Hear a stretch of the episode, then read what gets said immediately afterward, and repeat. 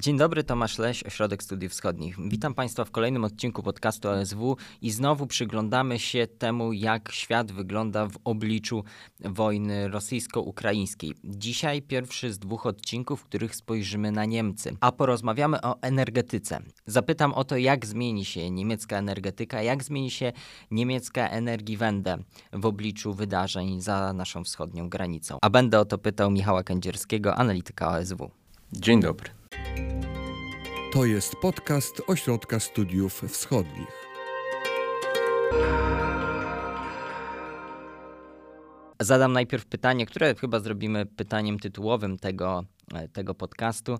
To znaczy, czy w obliczu wojny, przez wojnę rosyjsko-ukraińską, energii Wende czeka rewolucja? Niemiecką transformację energetyczną energii Wende czeka z całą pewnością korekta, natomiast y, nie powiedziałbym, że czekają rewolucję, znaczy główne jej założenia pozostają niezmienne, a tym głównym założeniem jest przecież oparcie systemu y, pełna dekarbonizacja i oparcie systemu elektroenergetycznego na odnawialnych źródłach energii. Tutaj możemy nawet oczekiwać e, przyspieszenia i to dalej idącego niż to, które zostało ogłoszone przez nową koalicję w listopadzie. To znaczy w nowelizacji ustawy o mm, odnawialnych źródłach energii, która teraz jest już procedowana, ma zostać przyjęta przez rząd do Wielkanocy. E, przyjęto ten cel 80% udziału odnawialnych źródeł energii w zużyciu energii elektrycznej do 2030 roku.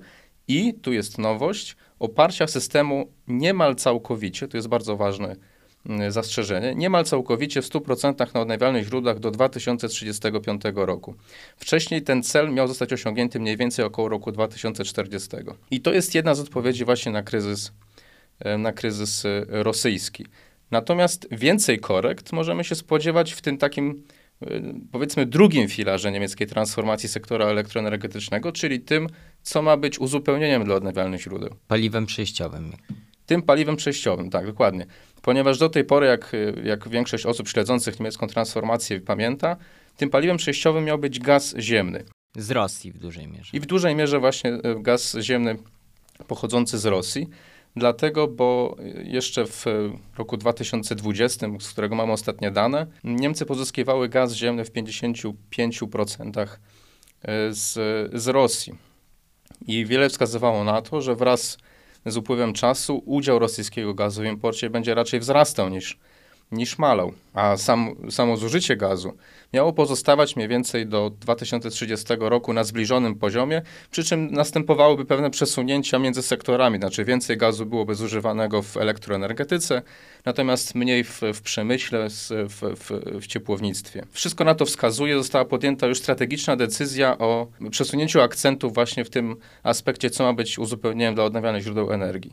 To już nie będzie gaz, zaraz, zaraz przejdziemy do atomu, e, to już nie będzie gaz ziemny. Znaczy gaz ziemny ma być jednym z kilku źródeł energii, które mają uzupełniać OZE. Tutaj mamy do czynienia przede wszystkim z e, pewną rehabilitacją węgla, to znaczy przy pozostawieniu strategicznej decyzji o odejściu od węgla, jak twierdzi rząd, nadal chcą to uczynić do 2030 roku, chociaż tutaj już wątpliwości są jeszcze większe niż były e, w, pod koniec ubiegłego roku. Węgiel ma pełnić większą rolę w tym okresie przejściowym niż dotychczas e, szacowano i przyspieszone mają właśnie być e, inne, alternatywne technologie. Tutaj hasłem jest, kluczowym jest, jest wodór, jest jeszcze większe przyspieszenie wchodzenia w wodór. Jeśli chodzi o atom natomiast, tu oczywiście na początku, na przełomie lutego i, i, i, marca, czyli na początku wojny w Niemczech, mieliśmy e, do czynienia z pewną gorącą debatą na ten temat, e, sprokurowaną, e, co ciekawe, przez wicekanclerza i ministra gospodarki Roberta Habecka, polityka zielonych, do niedawna współprzewodniczącego tej partii, bardzo wpływowego polityka, który wręcz niepytany, bo nikt nie oczekiwał jeszcze wtedy na samym początku wojny od Habeka tego rodzaju deklaracji, a Habek mm, w jednym z wywiadów e, zasugerował czy, czy zdradził, że w jego ministerstwie przygotowywana jest analiza, e, na ile potrzebne e, byłoby pozostawienie na dłużej funkcjonujących jeszcze w Niemczech elektrowni jądrowych. Przypomnijmy, że mają zostać wyłączone do, 2000, do końca 2022 roku. Na ile potrzebne byłoby pozostawienie tych, tych elektrowni na dłużej, w sytuacji odcięcia importu rosyjskich surowców energetycznych, zwłaszcza, zwłaszcza gazu ziemnego, bo tu jest największy problem dotyczący właśnie importu rosyjskich nośników energii. Samo to, że w ogóle Habek to poruszył, to jest Habek z Zielonych, którzy doktrynalnie są przeciwko energii atomowej, to już samo w sobie dosyć dużą, dużym wydarzeniem było. Tak, właśnie to było bardzo znamienne, że, nie, że Zieloni nie zostali zmuszeni do, do tego rodzaju analizy przez pewnego rodzaju presję zewnętrzną ze strony e, koalicjantów, liberałów, którzy nie są tak antyatomowi, ze strony biznesu, przemysłu, tylko e, Habek sam z siebie zrobił taką wrzutkę do, do opinii publicznej, do debaty, że, że taka e, opcja jest w ogóle rozważana. To było bardzo znamienne i bardzo wiele mówiące, jak, w, jak daleko szły wówczas już w Ministerstwie Habeka rozważania na temat potrzebnych korekt. Natomiast Habek ta, tamten komunikat sformułował w taki sposób, że można to było zrozumieć dwojako, że albo ta decyzja jest już przygotowywana, albo na alibi, znaczy wyprzedzająco powiedzieć, że sprawdzamy, wyjdzie prawdopodobnie, że to nic nie da, ale sprawdziliśmy, więc nikt nie może się do nas przyczepić. I na co wskazują dalszy, obrot, dalszy obrót wydarzeń? I tamta, ym, tamta deklaracja Habeka o tym, że to w ogóle jest rozważane, wywołała bardzo. Ym, napędziło jeszcze tą dyskusję. Nie tylko ją roz, na, roz, rozpoczęło, bo ona się tliła już od wielu miesięcy, czy to jest potrzebne, czy jest wskazane. Natomiast bardzo ją napędziło, że jeśli zielony minister w ogóle to rozważa, znaczy, że coś jest napra naprawdę na rzeczy i wtedy do głosu zaczęli się bardziej odważnie zgłaszać reprezentanci różnych środowisk, e, zwłaszcza popierających tą decyzję. I tutaj na przykład mieliśmy pozytywne, e, pozytywne e, głosy ze strony części hadeków, ze strony części przemysłu, części biznesu, też nie wszystkich, warto zauważyć, ze strony koalicjantów liberałów także. Natomiast po drugiej stronie tej, tej, tej debaty stanęli bardzo wyraźnie zieloni oczywiście, którzy e, e, swój mit założycielski upatrują właśnie w tym sprzeciwie, w tym ruchu antyatomowym, którzy są kategorycznie antyatomowi. I ze strony środowiska zielonych, zwłaszcza, tego lewego skrzydła, tych najbardziej radykalnych zielonych, e, od samego początku płynęła, sączyła się ta druga interpretacja wypowiedzi Habeka. To znaczy, że Habek powiedział, że tylko to bada, na ile to jest potrzebne, a nie deklaruje, że to jest przygotowywane. I e, koniec końców e, Ministerstwo e, Habeka, czy Ministerstwo Gospodarki, które jest również odpowiedzialne za kwestie ochrony klimatu, energetyki, przemysłu, że tak naprawdę Habek jest takim ministrem do spraw energii wędy.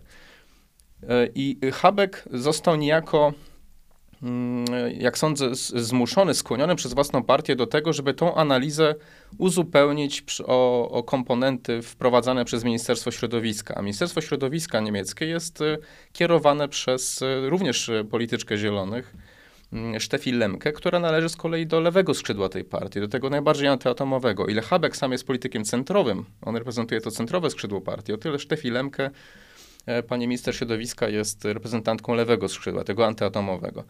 I dokument, który został potem przedstawiony na początku marca, już wyraźnie e, e, dawał odpowiedź negatywną na to postawione wcześniej pytanie, czyli czy przedłużenie funkcjonowania energetyki jądrowej jest, jest niezbędne. Odpowiedź na to pytanie była negatywna, to znaczy wyszło im z, z tej analizy z dwóch zielonych ministrów, że koszty i ryzyka związane z, przedłużeniem, z przedłużeniem funkcjonowania elektrowni jądrowych przewyższają potencjalne korzyści. I tutaj oni o, o, oczywiście w, e, należy wręcz mieć mm, takie wrażenie, że ta analiza była przygotowywana z góry pod pewną tezę, to znaczy, że to się nie opłaca, że to jest niepotrzebne.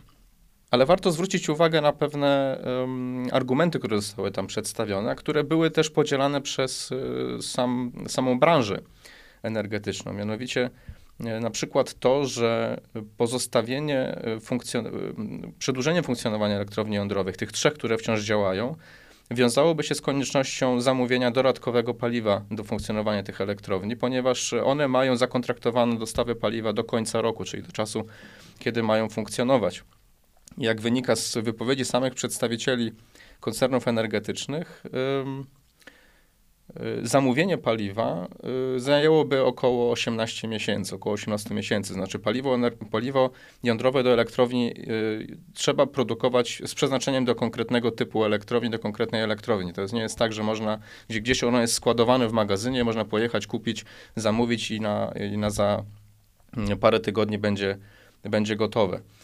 To zaś wiązałoby się z takim ryzykiem, że te elektrownie de facto mogłyby pomóc e, niemieckiemu systemowi elektroenergetycznemu dopiero w dłuższej perspektywie. Nie najbliższej zimy, która jest krytyczna, jeśli chodzi o ewentualne embargo, tylko dopiero za około e, półtora roku.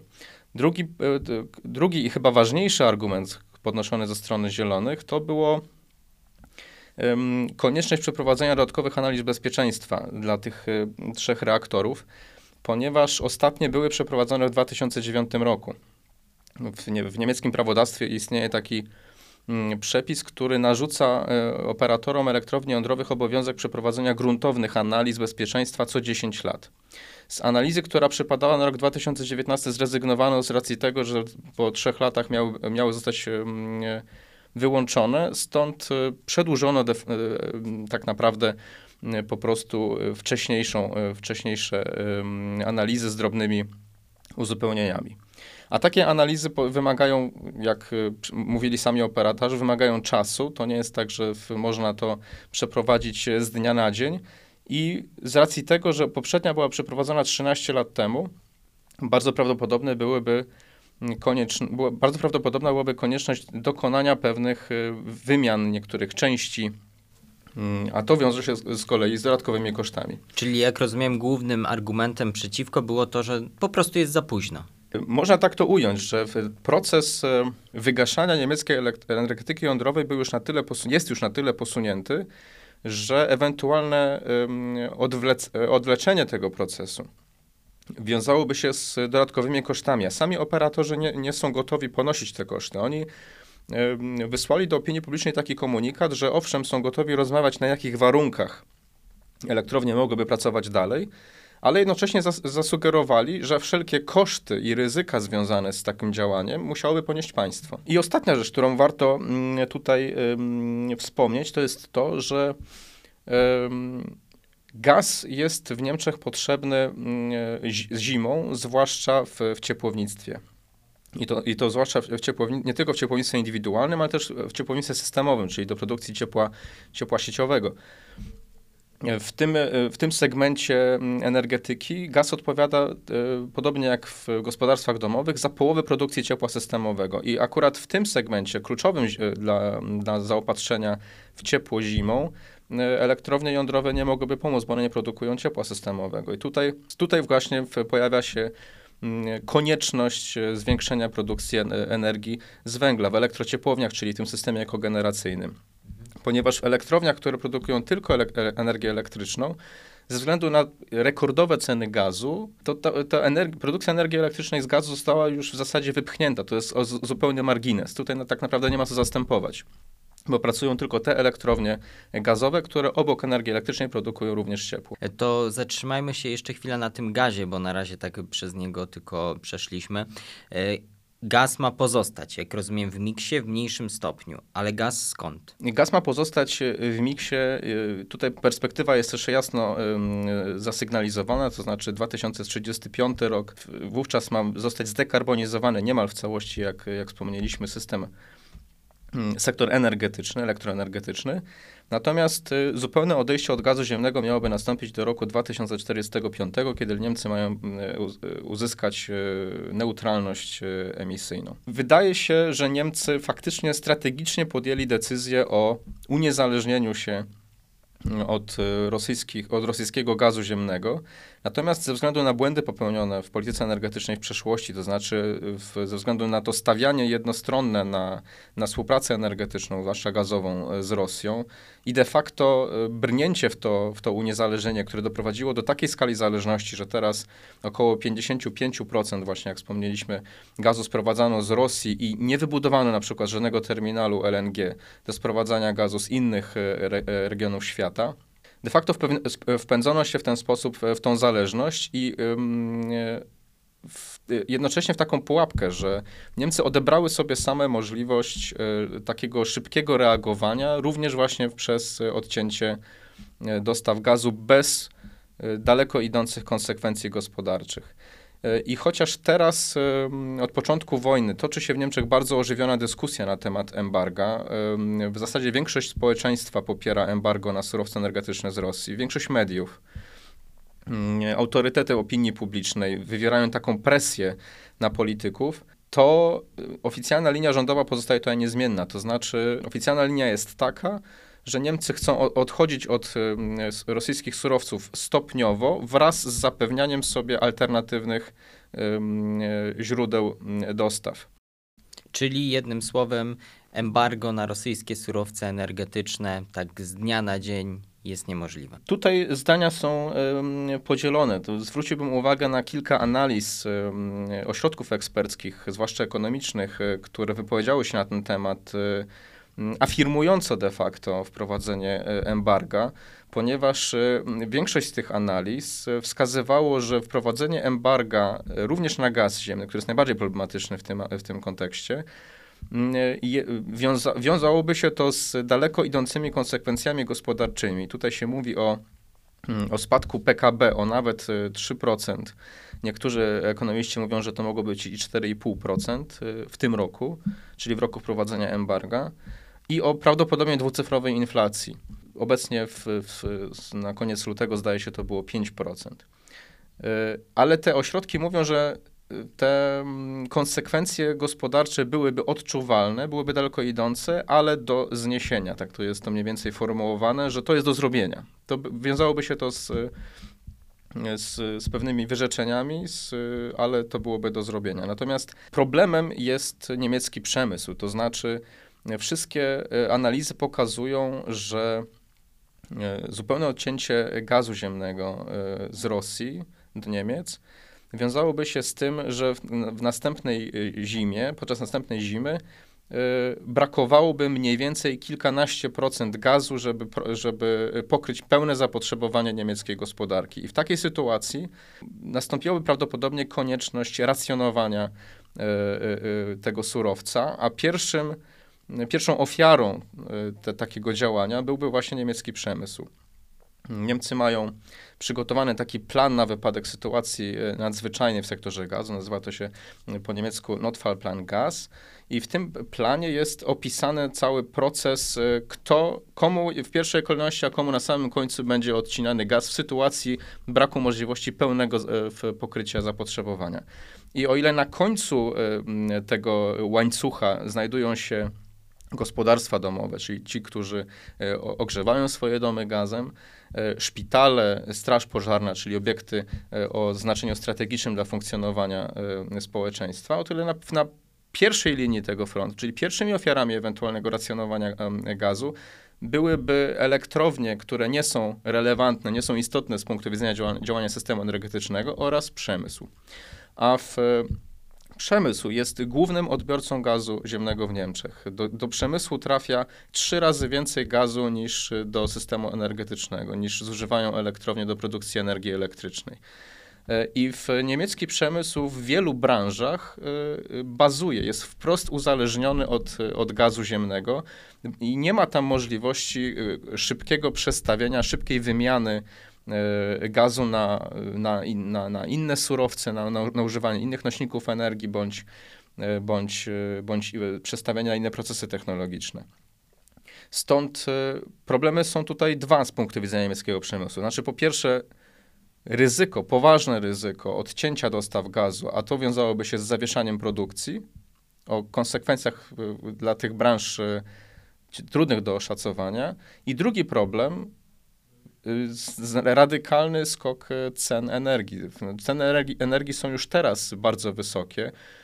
Już teraz są przykłady firm, które musiały e, zawiesić lub ograniczyć produkcję ze względu na, na wysokie ceny energii elektrycznej i gazu, a ewentualne embargo wiązałoby się w sposób oczywisty z dodatkowym impulsem e, na, na, na, na giełdach i to wiązałoby się w, z radykalnym obniżeniem konkurencyjności niemieckiej gospodarki, niemieckiego przemysłu na świecie, a to w sposób dodatkowy obniżałoby uderzałoby w, w niemiecką gos, gospodarkę. Stąd y, to właśnie przemysł najmocniej straszy konsekwencjami y, ewentualnego embarga i najmocniej lobbuje w, wśród niemieckich polityków za tym, żeby tego nie robić właśnie w ten sposób taki radykalny, nagły, wprowadzając ten, ten krok już teraz, lecz decydując się właśnie na tą stopniową strategię i ten, i ten głos przemysłu, ten głos niemieckiej gospodarki,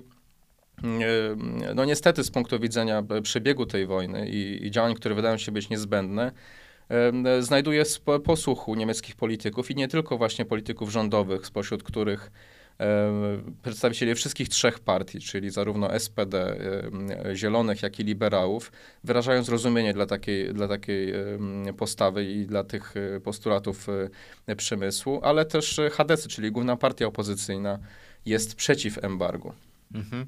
A właśnie mówiłeś o tych kosztach, że jeżeli w przypadku embarga one by wzrosły, ale jak rozumiem, one i tak wzrosną ze względu na to, że Niemcy jeszcze bardziej chcą pójść w odnawialne źródła energii, co jak rozumiem będzie rodziło inwestycje, a inwestycje będą kosztować. Y, tak, ale to nie są te same koszty, nie, nie z tych samych y, źródeł, stąd ciężko jest to y, w ten sposób ze sobą zestawiać. Nie, nie, nie widziałem, prawdę mówiąc, analiz sugerujących Y, tutaj jakieś daleko idące y, y, związki. Raczej inwestycje w odnawialne źródła energii i w zastępowanie gazu mają charakter długoterminowy. I, i, i tak są postrzegane jako, jako coś, co ma zmniejszyć nie tylko zależność od, od paliw kopalnych w długiej perspektywie, ale też zwiększyć konkurencyjność niemieckiego przemysłu właśnie w, w, w, dłuższy, w dłuższym czasie a ryzyko embarga wiąże się z radykalnym wzrostem kosztów tu i teraz. Stąd y, y, raczej tego związku, to, ten związek nie jest tutaj wskazywany w tym kontekście. Mhm. A to inaczej może zapytam, ale o podobną rzecz. To znaczy Niemcy, z tego co mówiłeś, przys chcą przyspieszyć e, to wejście większe w odnawialne źródła energii i e, przełożenie tego gazu na odnawialne źródła energii. Czy jest już jaki, jakiś plan, jak to zrobić, jak zrobić to przyspieszenie jeszcze większe? Minister Habeck zapowiedział y, na początku roku dwa pakiety ustaw, z których pierwszy ma zostać y, przyjęty przez Bundestag i Bundesrat do przerwy letniej, czyli najpóźniej do, do końca y, czerwca, a drugi do końca tego roku. Oba projekty, oba pakiety ustaw mają zawierać konkretne instrumenty służące odblokowaniu i przyspieszeniu y, rozbudowy instalacji do produkcji energii ze źródeł odnawialnych, zwłaszcza jeśli chodzi o y, farmy wiatrowe na lądzie, bo tu jest od kilku lat y, pewna, pewna zadyszka, pewien daleko idący problem mm, na, na wielu tak naprawdę frontach. I farm e, fotowoltaicznych. Tutaj w, jest o wiele lepsza sytuacja, bo, bo um, przyrost tej mocy ze źródeł fotowoltaicznych w ostatnich latach był bardzo e, dynamiczny i wiele wskazuje na to, że zostanie utrzymany. Natomiast e, przede wszystkim chodzi właśnie o odblokowanie tej, tych możliwości w, w zakresie budowy nowych, nowych farm wiatrowych i, i fotowoltaicznych. I tutaj przede wszystkim chodzi o przeznaczenie pod budowę tychże e, farm e, dodatkowych powierzchni, na przykład w przypadku mm, e, farm wiatrowych ma zostać zapisane w ustawie przeznaczenie 2% powierzchni pod, kraju pod, pod budowę takich, takich wiatraków. Mają zostać wprowadzone ułatwienia proceduralne, które mają przyspieszyć wydawanie zezwoleń na budowę mają w, zostać skrócone też postępo, e, ścieżki postępowań, także przed sądami, żeby przyspieszyć rozstrzyganie ewentualnych e, skarg ze strony, czy to e, organizacji ekologicznych, czy, czy protestów mieszkańców, którzy starają się blokować niektóre inwestycje. W końcu na stole jest pewnego rodzaju wzmocnienie prawne tych inwestycji w odnawialne źródła energii, bo nowy rząd chce E, uznać e, inwestycje w OZE jako inwestycje służące interesowi publicznemu, a to w, w, w przypadku ewentualnych procesów sądowych ma, do, ma dać dodatkowy argument na rzecz rozstrzygania ewentualnych sporów właśnie na korzyść inwestycji w OZE kosztem innych argumentów podnoszonych przez strony skarżące. Jeszcze jedną tylko rzecz, trochę ominęliśmy, bo rzuciliśmy się na ten temat kluczowy i ważny z naszego punktu widzenia, czyli temat embarga, ale te źródła, źródła gazu. Skąd Niemcy chcą korzystać z gazu, bo z tego co mówisz, ko korzystać w mniejszym stopniu niż zakładali, ale dalej będą. Tak, i ostatnio mieliśmy do czynienia y, z pewnego rodzaju ofensywą y, dyplomatyczną na rzecz zapewnienia Niemcom dostaw e, gazu z innych niż e, rosyjskie źródeł. W połowie marca e, minister Habeck był, odbył podróż do, do Oslo, do Norwegii i do Kataru, gdzie rozmawiał z tamtejszymi władzami przy udziale również spółek energetycznych niemieckich, właśnie na temat zwiększenia dostaw z tych krajów gazu ziemnego do, e, do Niemiec. O ile w przypadku Norwegii chodzi tutaj o możliwość zwiększenia przesyłu gazu e, gazociągami już istniejącymi, oraz pewnym zwiększeniem dostaw gazu skroplonego za pośrednictwem innych terminali, bo jak wspomnieliśmy, Niemcy nie mają własnych terminali LNG, ale ich system gazowy jest połączony z, z terminalami w, w Holandii, w Belgii, we Francji, również w Polsce, aczkolwiek tutaj o Świnoujściu mówi się e, bardzo mało, jeśli w ogóle. Raczej głównie mówi się o terminalach właśnie holenderskich, e, belgijskich i francuskich. I tutaj jest możliwość właśnie zwiększenia jeszcze w tym roku dostaw norweskiego gazu, zarówno gazociągami w pewnym e, bardzo ograniczonym stopniu, ale jednak, oraz w gazu skroplonego z, z północnej Norwegii. I e, w Habek odbył również e, szeroko komentowaną i bardzo znamienną podróż do, do Kataru i Zjednoczonych Emiratów Arabskich, gdzie tematem był e, gaz skroplony, bo Katar jest jednym z największych producentów gazu skroplonego i ma bardzo daleko idące ambicje w najbliższych latach, żeby podwoić niemalże E, swoją produkcję. I tą, tę podróż e, właśnie do Kataru i do Zjednoczonych Emiratów e, Habeck odbył w towarzystwie licznej delegacji przedstawicieli niemieckiego biznesu.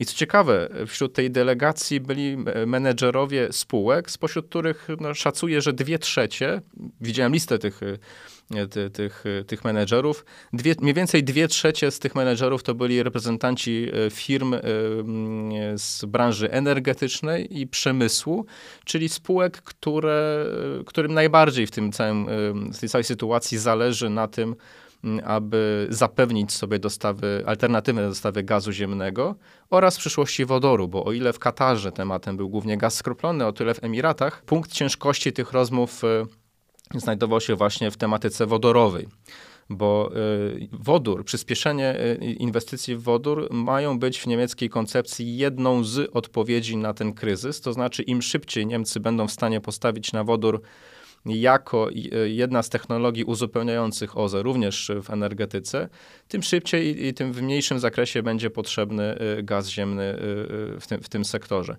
I tutaj właśnie e, udało się podpisać w, w, w, w obecności Habeka, bo, bo samo ministerstwo tam nie podpisywało nic, ale e, spółki, e, których menedżerowie byli tam na miejscu, podpisały porozumienia z, z firmami z Emiratów e, właśnie na, na dostawy e, wodoru oraz na związane z kwestiami transportu, znaczy jak, jakich technologii należy używać, żeby w sposób efektywny, kosztowo transportować wodór e, z, z krajów Zatoki Perskiej do, do Europy.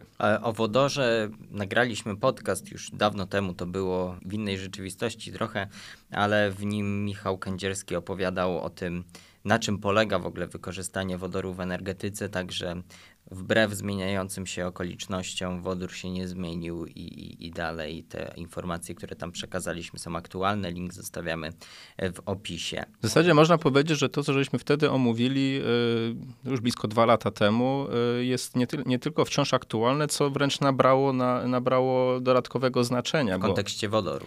W kontekście wodoru i w kontekście y, przyspieszenia niemieckich planów dotyczących dekarbonizacji, które zostały ogłoszone w poprzednim roku i w końcu w kontekście wojny, którą teraz obserwujemy i w związku z którą Niemcy muszą właśnie dokonywać korekt swojej transformacji.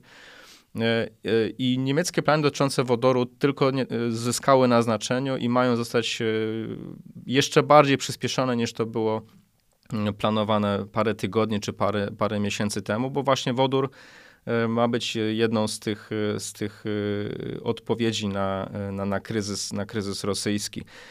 I tu właśnie też taka ciekawa być może myśl, bo Niemcy starają się w tym całym kryzysie mm, wyciągać z szuflad gotowe już recepty, tylko przyspieszać ich, ich wdrażanie. To znaczy, jeśli była mowa o tym, że chcą zrezygnować e, z gazu w perspektywie lat 40. i wiadomo było mniej więcej, jak to zrobić, e, e, tylko analiza kosztów wskazywała na to, że miałoby to się odbyć wolniej. O tyle teraz trzeba to robić szybciej. Tak jest w przypadku redukcji zużycia gazu ziemnego, E, tutaj też jest jed, jed, w ogóle jedną z odpowiedzi na, na ten kryzys jest również strategia redukcji zużycia gazu. To też warto o tym wspomnieć, bo E, trwają prace nad, w ministerstwie nad taką strategią i znamy jej, jej wstępne założenia. I tutaj do nich należy zwłaszcza redukcja zużycia w ciepłownictwie, zwłaszcza w gospodarstwach domowych. Tutaj planowane są nie tylko przyspieszenie termomodernizacji budynków, co już było wcześniej planowane, ale planują Niemcy wdrożyć dodatkowe środki, żeby przyspieszyć ten proces, ale też szybciej ma zostać wprowadzony na przykład zakaz instalacji kotłów gazowych w, w domach. Taki pomysł był planowany na e, de facto na 25 rok, dlatego, bo e, w umowie koalicyjnej była wprowadzana taka, mm, taka, taki zapis, że e, od tego roku, 25 roku, miały być instalowane tylko instalacje grzewcze oparte co najmniej w 65% na OZE. E, przedstawiciele tej branży grzewczej e, de facto mówili, że w zasadzie oznacza to koniec kotłów gazowych i instalacje w najlepszym wypadku hybrydowe, ale de facto oparte na, na OZE. I z przecieków wynika, że w pierwszych segmentach rynku taki zakaz mógł być wprowadzony już od przyszłego roku. Bardzo szybko. Bardzo szybko i to jest bardzo ciekawe, dlatego, bo y, z tym się wiążą bardzo konkretne y, wyzwania. Na ile to jest w ogóle realne, żeby wprowadzać tego rodzaju mm, y, ingerencje w rynek, tego rodzaju ograniczenia w tak krótkiej perspektywie czasowej, bo pamiętajmy, że w Niemczech wciąż większość sprzedawanych instalacji grzewczych to są kotły gazowe. Stąd rząd, jak e, należy to rozumieć, planuje naprawdę rewolucję w tym zakresie. Jeśli w, w, perspektywie paru lat ma zostać wyparty niemal zupełnie z nowego budownictwa, bo to w pierwszej kolejności ma dotyczyć nowego budownictwa, ma zostać wyparty gaz, a w dalszej perspektywie również e, w istniejących e, budynkach. Inne przyspieszenie planów właśnie to jest, to wspomniane, to są pompy ciepła. E, już od dawna Niemcy sta zamierzają stawiać na pompy ciepła. Teraz jest mowa o tym, żeby obok zakazu montowania nowych kotłów gazowych wprowadzać na przykład specjalne dopłaty do wymiany kotłów gazowych na pompy ciepła, co ma y, przyspieszyć y, dekarbonizację tego sektora już w bardzo krótkiej perspektywie czasowej, to znaczy najlepiej przed przyszłą zimą osiągnąć, niektórzy mówią nawet do miliona. Nie wiem, czy to jest realne, wydaje się nie bardzo. E, ale no każde e, parę dziesiąt tysięcy czy paręset tysięcy będzie robiło znaczącą różnicę, bo w, w, gospodarstwach domowych znowuż Niemcy zużywają jedną trzecią swojego gazu, czyli ponad 2,5 razy tyle, co w elektroenergetyce. To są naprawdę przemysł i gospodarstwa domowe. Na te dwa sektory przypada dwie trzecie zużycia gazu i stąd te sektory właśnie są kluczowe, jeśli chodzi o, o zaopatrzenie i o, i, o, i o potem zużycie E, tego surowca. I wodór jest również jedną z takich odpowiedzi, e, które już dawno leżały w szufladzie, które i tak były planowane, a Niemcy próbują na tym kryzysie po prostu przyspieszyć realizację już istniejących, już wdrażanych, już przygotowywanych planów. Znaczy oni nie odkrywają teraz Ameryki na nowo, nie wyważają otwartych drzwi, tylko próbują e, po prostu przyspieszyć to, co już i tak planowali. Czyli jak rozumiem, na drodze do Energiewende nie zmieniają kursu, wprost przeciwnie, przyspieszają. Przyspieszając, dokonując pewnych e, korekt na, e, na kulisach, że tak to ujmę. Mhm.